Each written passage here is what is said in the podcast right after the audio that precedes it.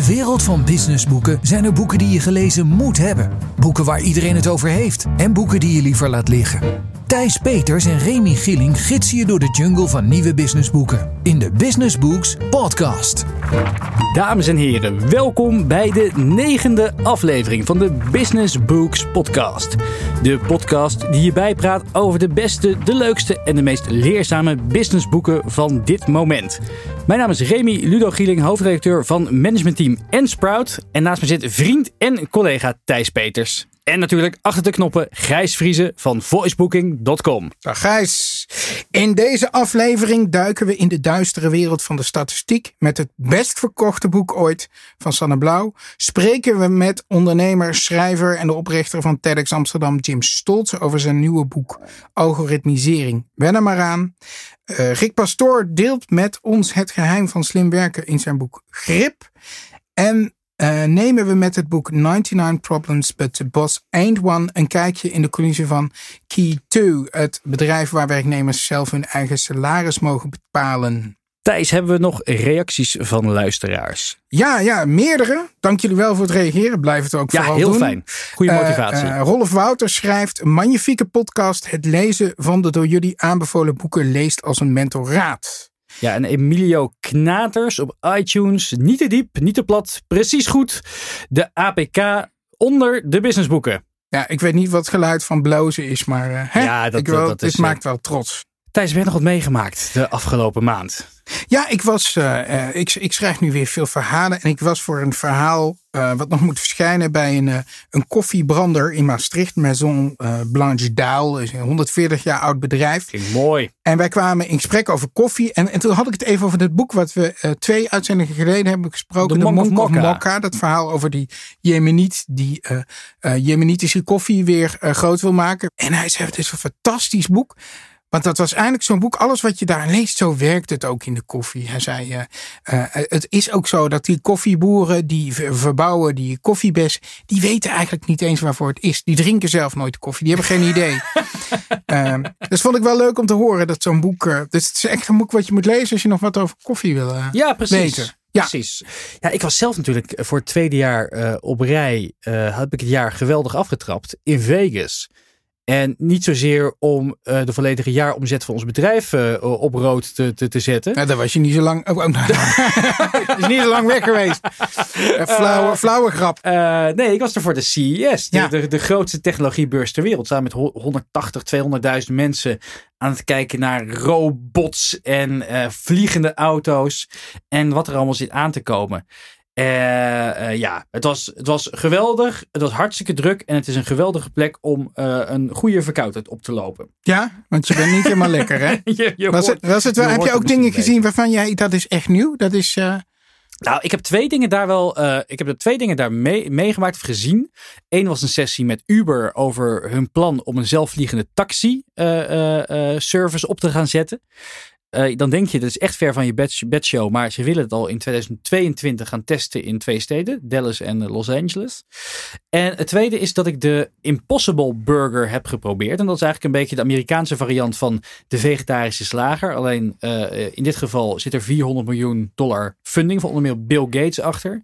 Ze hadden daar op de CES een tweede variant van hun nepvlees gelanceerd. En het is niet van echt onderscheiden. Was geen kweekvlees. Zoals Nee. bijvoorbeeld Moza Meat, het Nederlands bedrijf. Nee, het is wel dit. sojavrij. Dat was de eerste Ja, variant niet. Eh, ze maken het van een, eh, van een, eh, van een tarwegen. We gaan door naar het eerste boek. 99 Problems, but the boss ain't one. Van Lennart Thoma en Cedric Michal. Thijs, wat zeggen de recensenten? Ja, Arco van Brakel, co-founder en chief inspiration officer van Sem, de Semco Style Institute, die schrijft: leest als een jongensboek, maar dan met verrassend veel wijsheid. En eh, Harm Jans, eh, manager way of working bij bol.com. Een pakkend no-nonsense inkijkje in een bevlogen digitaal bureau dat op reis is naar zelforganisaties. Manager Way of Working. Ja, het is een beetje een. eh, ja, We- Werken daar niet gewoon te veel mensen bij bol.com? Uh, ja, dat als, je, krijg... als, je dit, als je dit soort functietitels in het leven moet gaan ik, ik, ik krijg ook altijd een klein beetje jeuk uh, van dit soort functietitels. Maar uh, nou ja, laat, laten, we, laten we vanuit gaan dat die man goed werk doet. Het boek, Thijs, jij hebt het gelezen. Waar gaat het over? Nou, ik zal heel, Lennart Thoma, die, die werkt bij Key2. Key2 is een al wat langer bestaand online marketingbureau. Kwam daar ooit binnen als projectmanager. Uh, maar inmiddels heeft hij zich ontpopt als uh, de cultuurbewaker van het bedrijf. Hij heeft een opleiding als organisatiepsycholoog en ze hebben hem losgelaten op dat bedrijf. Wat is nou bijzonder aan dit bedrijf? Zij willen geen bazen meer. Hè? Dat, dat horen we steeds vaker. Uh, ze hebben het ook echt vrij rigoureus in praktijk gebracht. ze hebben ook besloten dat de salarissen niet meer door de directie worden vastgesteld. Dus je hebt twee DGA's daar. Uh, en die deden dat natuurlijk altijd als directie. Maar nu moeten de mensen zelf hun salaris bepalen. Ja, en daar was iets bijzonders mee aan de hand. Ja, ja. Nou, uh, hoe gaat dat dan? He, ze hadden een grote bijeenkomst, beschrijft uh, Lennart ook in het boek. van ja, jongens, jullie mogen van nu af aan zelf bepalen hoeveel jullie verdienen. Maar ik denk wel met een maximum. Dus, dit, nee, nee, nee, geen maximum. Nee? Okay. en toen hebben ze het aan de mensen gelaten. Wat gebeurde? Die mensen gingen bij elkaar zitten, gingen overleggen. En die hebben een commissie gevormd. En die commissie die mocht dan de salarissen gaan bepalen. Die bepaalde de totale loonsom en de verdeling. En wat je zag was dat in die, geloof twee jaar dat ze dat nu doen, de totale loonsom, de absolute som, lager is dan toen de directie het deed. Dus als je, je uh, de les hieruit, als je minder geld wil kwijt zijn aan je personeel, laat ze dan zelf beslissen wat ze verdienen. Ja, en ik, wat ik ik, ik vind het mooi, vind ik. ik heb een beetje hekel aan die enorme geheimzinnigheid die we in Nederland rond salarissen hebben. Hè? Ja. Ik, ik vind het, het doen we zo ongelooflijk moeilijk over. Wat je wel krijgt een beetje in dit systeem is volgens mij dat je je kop niet meer boven het maaiveld uit kan steken. Want zo'n groep heeft toch de neiging om iedereen hetzelfde niveau. Er zit natuurlijk ook een nadeel aan. Je, ja, je hebt op een gegeven moment niet meer dat als iemand iets heel goed kan, uh, hè, of, of, of uh, uh, zich echt wil doorontwikkelen, uh, uh, of een heel goed aanbod krijgt van, van, van, van een buitenstaander. Je, je raakt misschien wel wat talent kwijt of kan ze niet meer aantrekken. Ja, ik denk, ik denk niet dat mensen verlaten, niet, uh, verlaten nooit een bedrijf, verlaten een manager. Maar ik denk wel dat je mensen chagrijnig kan maken als je collega slechter presteert. Maar hij is heel aardig. Dus de rest van de groep vindt toch dat hij evenveel moet verdienen als jij. Dan kan je gefrustreerd raken. wat ik wel een goed idee vond, maar het is wel een afvallen. Ze hebben ook een ontslagronde meegemaakt. Want in tegenstelling tot. Het gaat niet altijd goed bij het bedrijf. Nee, hè? nee. Uh, dat is ook wel de charme van het boek. Dat je gewoon echt vertelt hoe slecht het af en toe gaat. En hoe rommelig. Dus die 99 problemen, die waren er ook die. Waren er werkelijk. En op een gegeven moment is er een ontslagronde nodig. Want ze hebben nou, voornamelijk liquiditeitsproblemen. Er moeten mensen uit. En uh, ook hier besluiten ze niet. Die directie gaat bepalen wie eruit moet. Uh, maar dat mogen jullie zelf gaan doen. Gaan we je collega's ontslaan. Uh, nou, in Oef. Sprout heeft het ooit beschreven ja. uh, dat het vijf minuten doodstil was. Dat iedereen dacht. Het, het, het lijstje was bekend. Hè? Ja, je moest op, op ja. van, van post-it schrijven. En uiteindelijk kwamen daar dan een ja. lijstje uit met zes mensen die dan moesten gaan vertrekken. Ja. Ze draaiden die blaadjes om en ja, en ze, ze houden ook onder maand geloof ik gesprekken over, over collega's. Dus iedereen heeft wel constant feedback. Maar goed, dat is echt nogal schokkend als jij zo'n lijstje krijgt. En in zijn boek beschrijft hij dat het, uh, uh, hoe dat gaat. En dat die mensen uiteindelijk het er wel mee eens waren. Dat betwijfel ik een beetje. Want ik kan me voorstellen dat je op dat moment onder druk van de groep Toch niet durft te zeggen. Motherfuckers. Hè? Maar het is natuurlijk wel heel kwetsend als je door zo'n hele groep wordt afgewezen. Kijk, als je baas jou ontslaat, dan denk je, ja, de baas is gewoon een pff, ja. eikel. Ik denk wel dat je de goede mensen laat gaan. Want waar een baas nog uh, een voorkeur heeft of zo, krijg je nu een veel gemeleerder beeld. Ja. En, je, en je krijgt het oordeel van mensen die directe collega's zijn van die mensen. Thijs, voor wie is dit boek? Voor wie is dit boek? Uh, dit boek is voor iedereen uh, die er serieus over nadenkt om zelfsturing in te voeren. Wanneer ja. moet je het lezen? Ik raad iedereen aan die iets van gedrag in organisatie weet. Begin op bladzijde 100. Daar gaat hij over zijn eigen bedrijf. Dan gaat hij veel meer dicht bij zichzelf.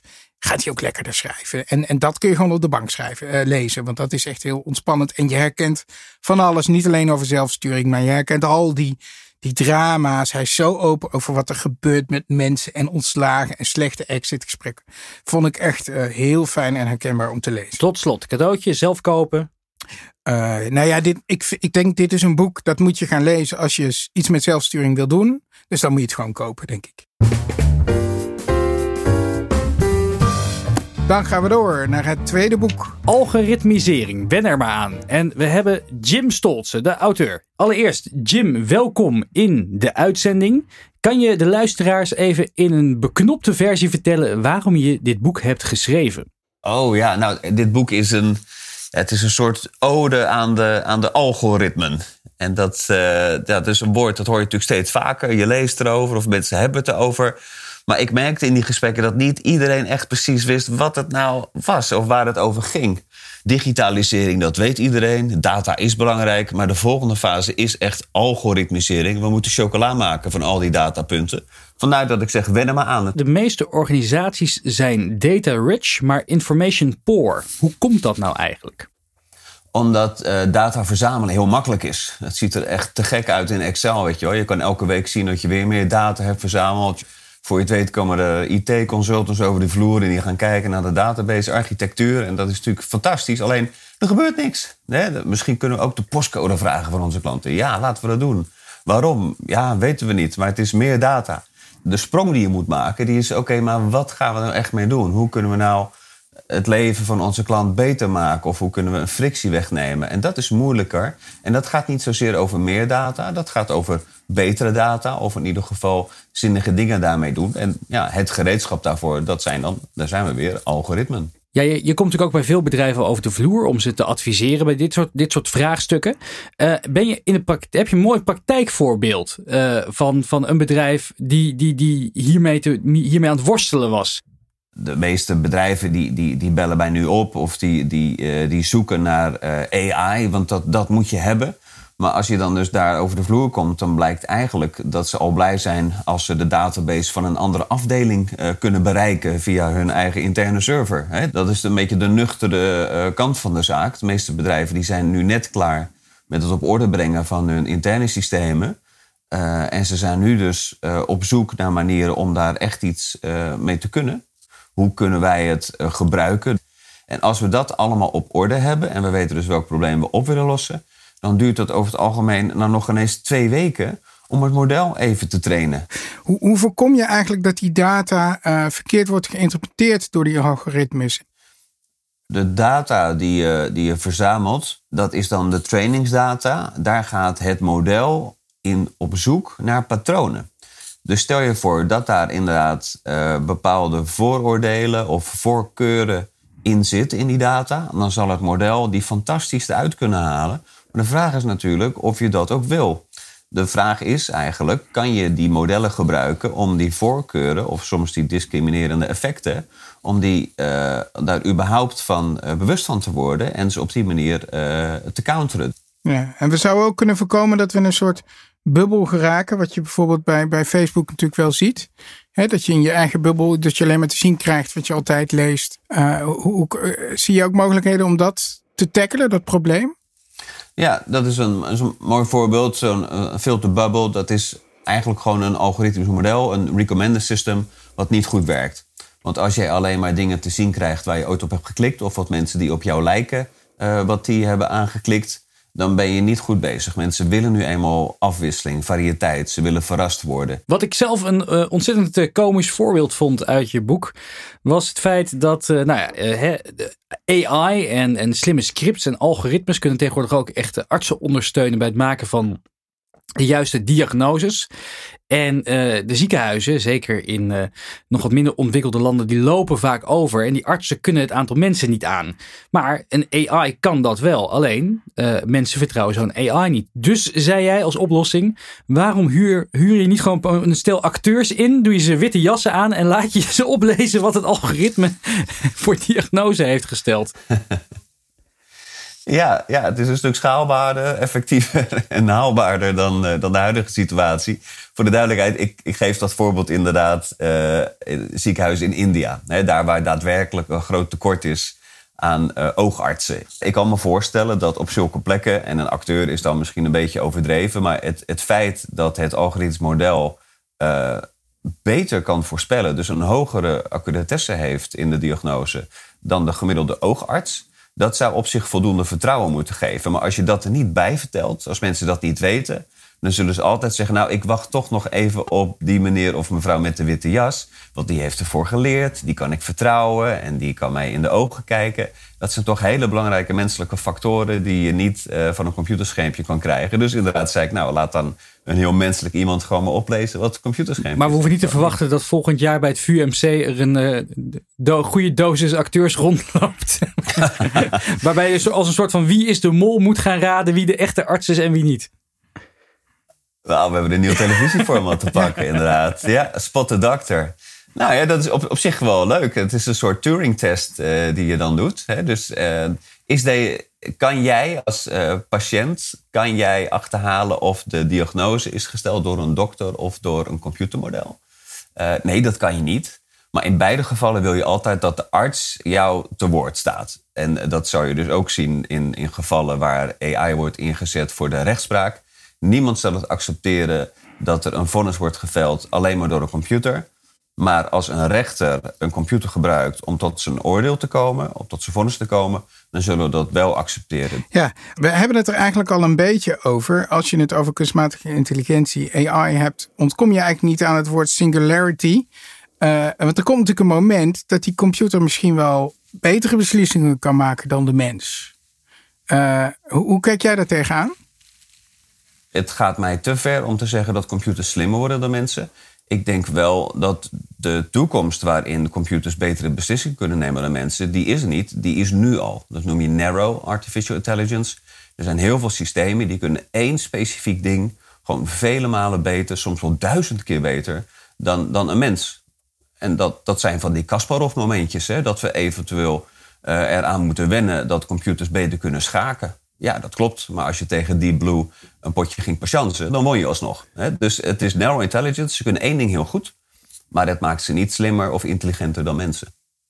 Je ziet dus wel, dat komt ook uit jouw boek eigenlijk, van uh, zo'n Amerikaanse verzekeraar waar, waarbij, um, uh, waarbij de computer ook aan een stem kan horen hoe iemand zich voelt. Iets wat we dachten dat de computers nooit zouden kunnen. Ja, ja.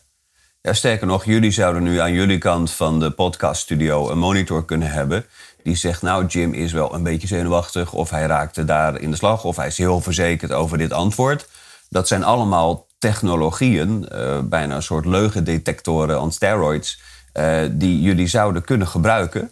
Maar dan alsnog zijn jullie het, uh, aan jullie kant, die bepalen of je het gebruikt, wat je ermee doet. Dus het is niet zo dat er nu een, een of andere computer heel stiekem met een geheime agenda probeert om mij te analyseren en mij uh, te manipuleren. Ja. Dus je weet zeker dat je nou niet met een computer in gesprek bent?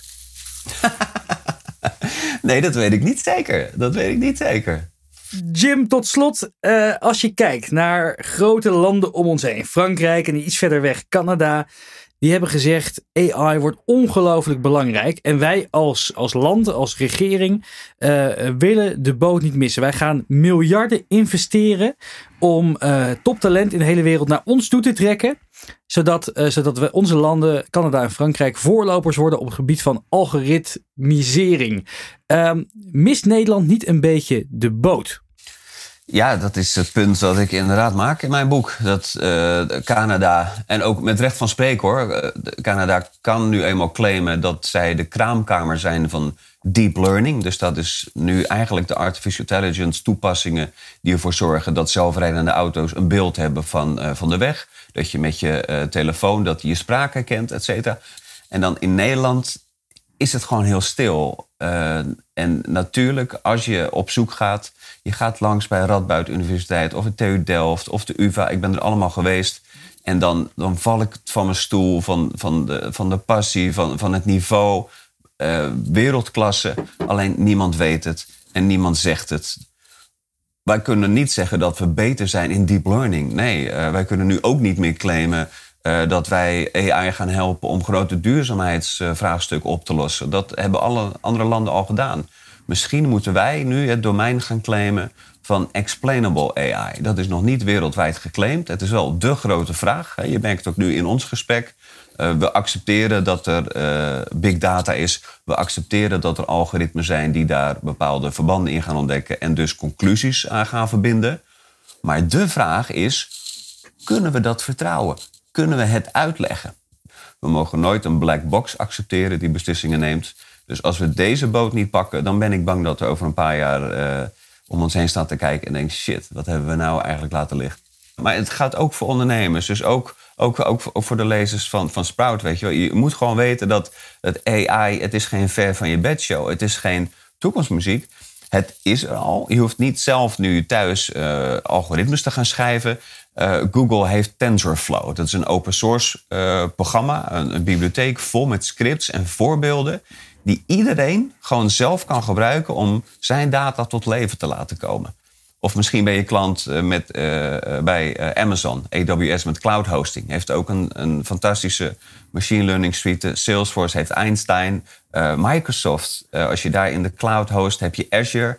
Azure heeft ook een machine learning suite. Met andere woorden, niemand die uh, ondernemend is of die binnen een bedrijf verantwoordelijk is voor IT of voor data. Niemand heeft meer het excuus dat hij de technologie niet kan vinden, want die is er al. Het enige wat jij moet doen is op zoek gaan naar een lekker probleem, je data erop inprikken en dat gaan oplossen. Jim, mogen we je hartelijk danken voor je kennis en je, je boek en heel veel succes in je missie om heel Nederland aan het algoritme te krijgen. Yes, daar gaan we voor. Dankjewel jongens.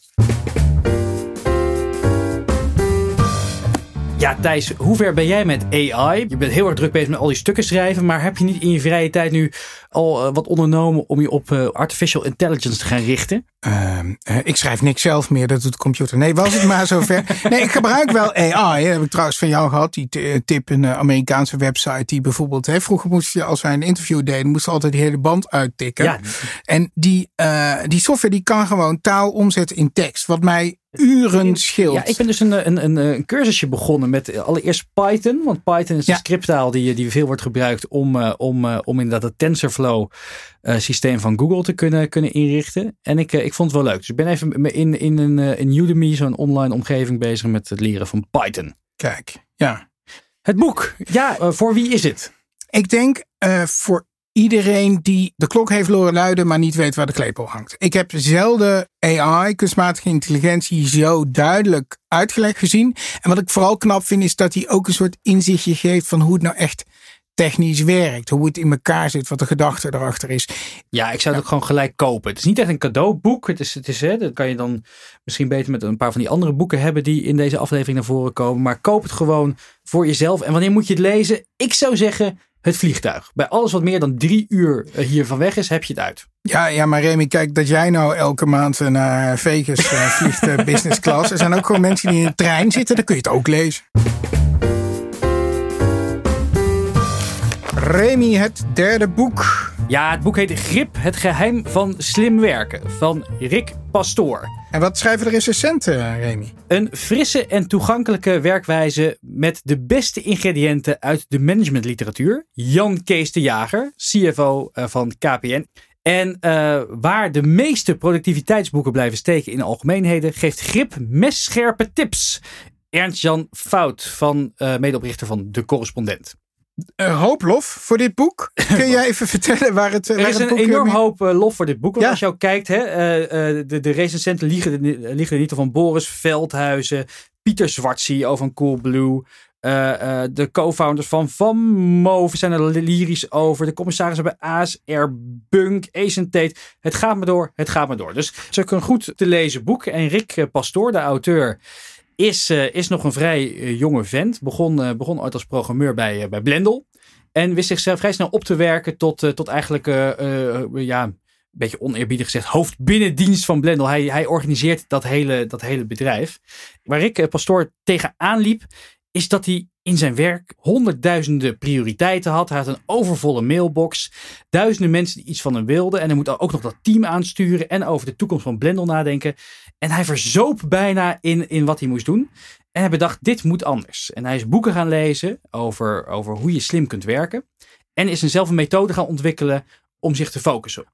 En die uh, lessen die hij daar, uh, daar heeft geleerd, die heeft hij verwerkt in het boek Grip, het geheim van slim werken zelf uitgegeven. Dat vind ik trouwens ook wel een. een dat vind ik wel leuk. ja, vind, als je bij Blendel werkt, ja. kan je ook eigenlijk niet zo'n ouderwetse. Hè? Nee, precies, precies. Dan moet, dan moet je ook op een nieuwe manier aanpakken. Ja. We gaan het even hebben over het, de eerste helft van het boek. Hoe je je werk slim moet indelen, zodat je overzicht kan houden en prioriteiten kan stellen in zo'n, nou, de meeste luisteraars zullen het wel herkennen. Hè? Je verzuipt in je mailbox en je hebt het idee dat je niet echt verder komt in je werk. Dus hoe moet je je werk organiseren? En uh, daar heeft hij een, een, een, een, gewoon een hele sterke uh, um, ja, blauwdruk voor neergelegd bijna. Het is gewoon een stappenplan van A tot Z. Volg dit en je zal merken dat je gewoon factor zoveel keer productiever wordt. En hoewel ik het nog niet in de praktijk heb kunnen toepassen, ben ik het wel van plan, want het werkt echt heel goed. Het werkt als volgt. Hij zegt, je agenda is heilig. Dus alles wat daarin staat, moet ook gewoon gebeuren. Je dus moet om negen uur bij voicebooking, hè? 9 uur Hadden bij we vanochtend afgesproken, meneer Gieling. Hè? Maar goed, ga uur. door. Het was tien uur. Oh. Ehm, dat, dat, is, dat is het als, als allereerst. Alles, en het moeten taken zijn die meer dan een half uur duren. Want anders wordt, wordt je agenda een rommeltje.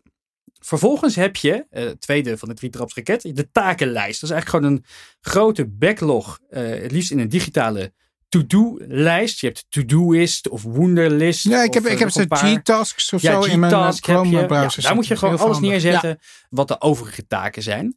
En als je eh, tussendoor in je agenda dus, dus, dus tijd plant om die taken te doen, dan ga je daaraan werken. En pas als dat is gebeurd, en je moet het misschien ook alvast een beetje inplannen, is op twee of misschien drie momenten in de dag, ga je gewoon even een half uurtje je e-mail wegwerken. Dat is het laatste van die drietapsraket. E-mail is wel belangrijk, maar hij zegt ook van, ja, e-mail is bijna ontwikkeld om, om, om hyperverslavend te zijn. Elke keer als je het opent, krijg je weer nieuwe mailtjes. En soms is het frustrerend en soms niet. Maar het, het geeft elke keer een soort van dopamine shot voor je hersenen. Waardoor het heel makkelijk is om de hele dag door alleen nog maar naar je mailbox te kijken. Dus Ja. zet dat pas als allerlaatste. En plan het in wanneer je dat doet. En ga er kijken voor de rest ook niet naar. Ja, wij, wij hebben de afgelopen eh, vorig jaar een paar keer werken besproken die gaan over concentratie en informatieoverload, hè, eh, diep werk Ja, van Carl Newport. van Carl Newport en de Pomodoro techniek van die eh, Ja. Francesco Cirillo. Wat voegt dit boek nog toe als je, als je al dat soort boeken al gelezen Ja, hebt? hij haalt het ook aan. Dus hij, hij heeft al alle theorieën ook erover gelezen. En hij heeft het verwerkt in zijn eigen eh, manier van werken. En hij legt er een, een nog eh, praktischere blueprint overheen. Hij pakt eigenlijk het beste van alle theorieën. En past dat toe op een manier die voor in ieder geval de, de Nederlandse kenniswerker heel eh, toepasbaar is. Voor, voor iedere Nederlandse kennismerker? Nee, daar zit dus een interessante tweedeling in. Eh, hij zegt, eh, of hij zegt eigenlijk, Paul Graham, de oprichter van Y Combinator, dat is zo'n incubatorprogramma waar Airbnb bijvoorbeeld ook uitkwam. Die zegt er zijn eigenlijk twee soorten mensen. Je hebt eh creatieve en je hebt managers. En deze theorie werkt voor managers heel goed. Managers zijn heel goed in het snel schakelen van, van korte, korte klusjes. Dus even een vergaderingetje hier, even een vergaderingetje daar. Eh, daar zijn managers heel goed in. Waar creatieven veel meer grote tijdsblokken nodig hebben om zich gewoon even te kunnen onderdompelen in een project. Om zich eventjes te kunnen afsluiten. En die creatieven zouden het ook kunnen proberen. Maar ja, dan heb je gewoon waarschijnlijk gewoon halve dagen geblokt om, een, eh, eh, om eventjes goed te kunnen nadenken over product of idee X of Y. Ja, dus het is een boek een beetje voor managers. Wa- wa- wanneer moet je dit gaan lezen? Eh, voor iedereen die het idee heeft dat hij echt verzuipt in zijn mailbox. Ja, en dan wou ik vragen cadeautje of kopen, maar jij gaf al aan, eh, ik, ik ga het voor mijn eh, team kopen. Ja, ik zou dit als ondernemer of als manager gewoon direct voor, aan je hele bedrijf of je, aan je team geven. Want mensen die er iets mee gaan doen, dat moet je natuurlijk wel, wel willen, die worden er geheid zeker 20% productiever van.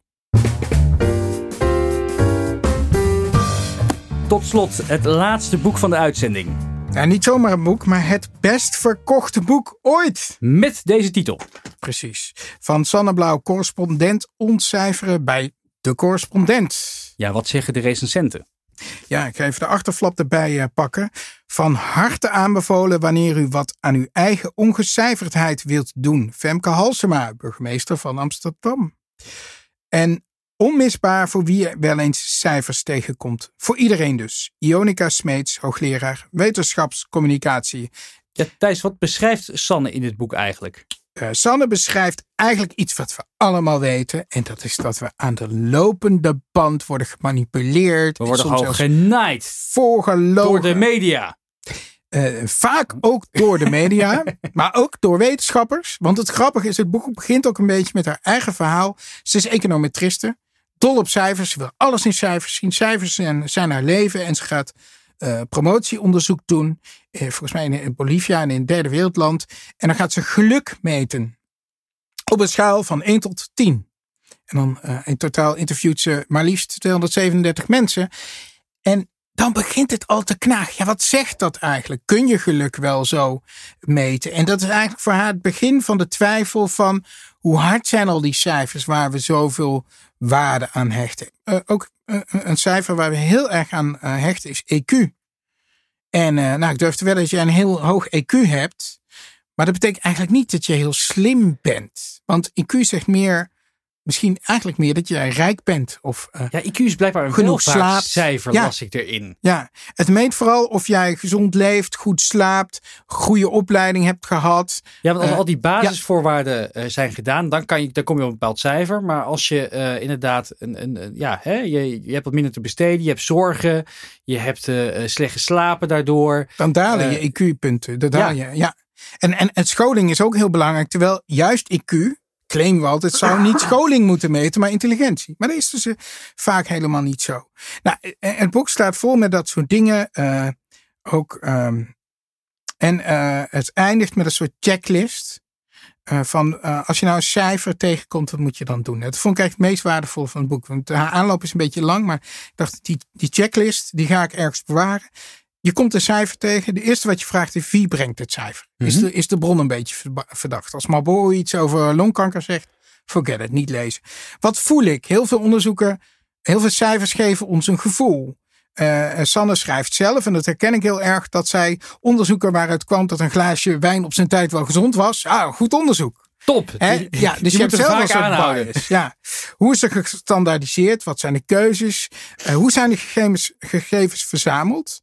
Ook onderzoekers die geen Diederik Stapel heten, eh, maken er vaak een potje van. Omdat ze, hè, als je een promotieonderzoek doet, dan wil je natuurlijk eh, eh, een artikel in een wetenschappelijk tijdschrift. Dan moet je iets ontdekken.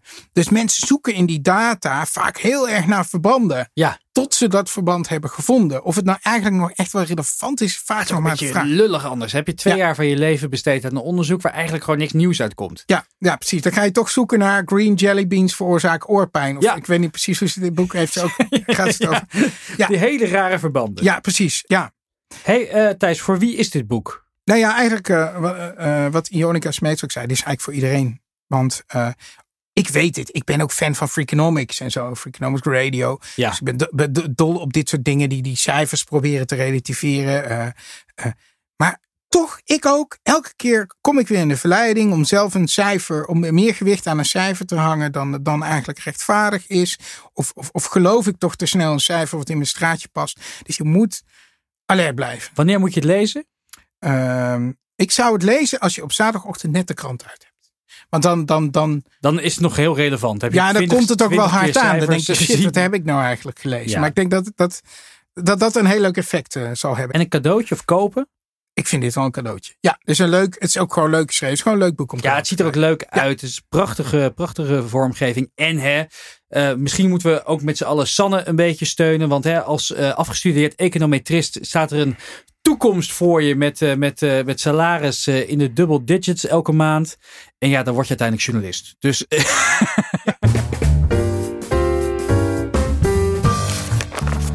Tips from around the web. Hebben we nog wat gezien wat mensen online moeten lezen? Ik zelf kwam een artikel tegen in de New York Times. Eh, een hele grappige. More startups have an unfamiliar message eh, for venture capitalists. Namelijk get lost. Eh, en wat betekende dat? Eh, dat steeds meer startups, zeker in Amerika, misschien ook wel hier in Nederland, eh, nee zeggen tegen die eh, venture capital partijen die er eh, miljoenen in willen pompen, maar tegelijkertijd eh, eh, eigenlijk onrealistische groei eh, eh, eisen. Zagen bij Uber, hè, die alles moest maar gaan om, eh, om, eh, om de groei mogelijk te maken. Eh, je moest, ze, ze- waren op een gegeven moment alle chauffeurs aan het uitknijpen en alle recht, rechtspraak aan een, aan een Laars aan het lappen, laars ja. aan het lappen. En bedrijven zijn daar klaar mee. Ze zeggen nee, we, we, we- we- dan maar liever wat minder funding. Ja. En dan groeien we op een wat meer natuurlijke, sustainable manier. Mooie artikel. Ik kwam een ander eh, boek tegen. En dat vind je misschien een heel interessant boek in jouw nieuwe functie als hoofddirecteur van managementteam. Ik ben heel Eh, benieuwd. het was in een artikel van eh, eh, het eh, tijdschrift 1843. Dat is een bijlage van The Economist. En eh, dat artikel heet eh, The Rocker's Guide to Management. Ze hebben naar rockbands gekeken en, en hoe rockbands opereren. En eh, nou ja, wat je ziet, een rockband is eigenlijk een soort start-up. Hè? Je komt met eh, bijvoorbeeld vier gasten bij elkaar, zoals de Beatles. Je gaat een beetje liedjes maken. En dan blijkt mensen liedjes leuk te vinden. Dan moet je management hebben. Dan, moet je, dan komt er een heel systeem. Dan word je eigenlijk een corporate. En hoe kun je dat nou organiseren? En, en deze auteur die heeft heel erg naar die bands gekeken. En hij ziet verschillende modellen. Coldplay en R.E.M. zijn soort democratieën. Waarbij eh, de bandleden altijd gelijke delen krijgen. En eh, dus zelfs de drummer krijgt evenveel als de leadzanger. En eh, ook alle rechten op de liedjes worden eerlijk verdeeld. Terwijl andere bands die ontwikkelen zich als hele andere bedrijven. Bijvoorbeeld Bruce Springsteen. Zijn bijnaam is niet voor niks The Boss. Want hij is een soort Steve Jobs. Hij bepaalt wat er gebeurt. Punt. Eh, de Rolling Stones, een hele mooie vergelijking, vergelijkt hij met Microsoft. Hij zegt van dat zijn mensen die hebben ooit in het begin zijn ze even een beetje creatief geweest, hebben ze leuke dingen gedaan. En daarna hebben ze het gewoon tientallen jaar uitgemolken, weet je wel. en zijn ze heel rijk geworden. Dus ja, ik vond het een fantastisch boek en eh, ja, echt een aanrader dit stuk. Ja. Ja, volgens mij staat de Economist op Blendel, dus ik ga hem daar een keertje in, eh, in opzoeken. ja zeker doen. Wat gaan we de volgende keer doen, Remy? Ik heb een aantal boeken liggen. Maar als mensen tips hebben, dan, eh, dan, eh, dan staan we daar eh, zeker voor open. En waar, waar kwamen we daar net op uit bij, bij Managementboek? Oh ja, ja, Hans van Breukelen heeft een, van Breukelen heeft een bestseller heeft een geschreven. bestseller, Ja. bestseller managementboek geschreven. Ja, misschien moeten we daar eens wat mee doen. We gaan, Misschien kunnen we hem aan de lijn krijgen. ja, Hans, als je luistert. Levenslessen. Ja, Dat zou dan leuk willen we je graag spreken. We gaan het zien voor de volgende aflevering. Volgende maand, februari 2019. Voor nu heel erg bedankt voor het luisteren. En hè, wil je ons een plezier doen en andere luisteraars? Laat even een recensie achter. Of via de mail, of via LinkedIn. Of eh, via iTunes. Dan zien anderen namelijk ook. En je kunt onze podcast altijd vinden en tegenwoordig ook op Spotify. Heel graag tot de volgende keer. Tot zover de Business Books Podcast. Meer afleveringen luisteren? Abonneer je via iTunes of Soundcloud en krijg een melding wanneer er een nieuwe aflevering live gaat. De Business Books Podcast is een uitgave van Sprout en Management Team en wordt geproduceerd door voicebooking.com.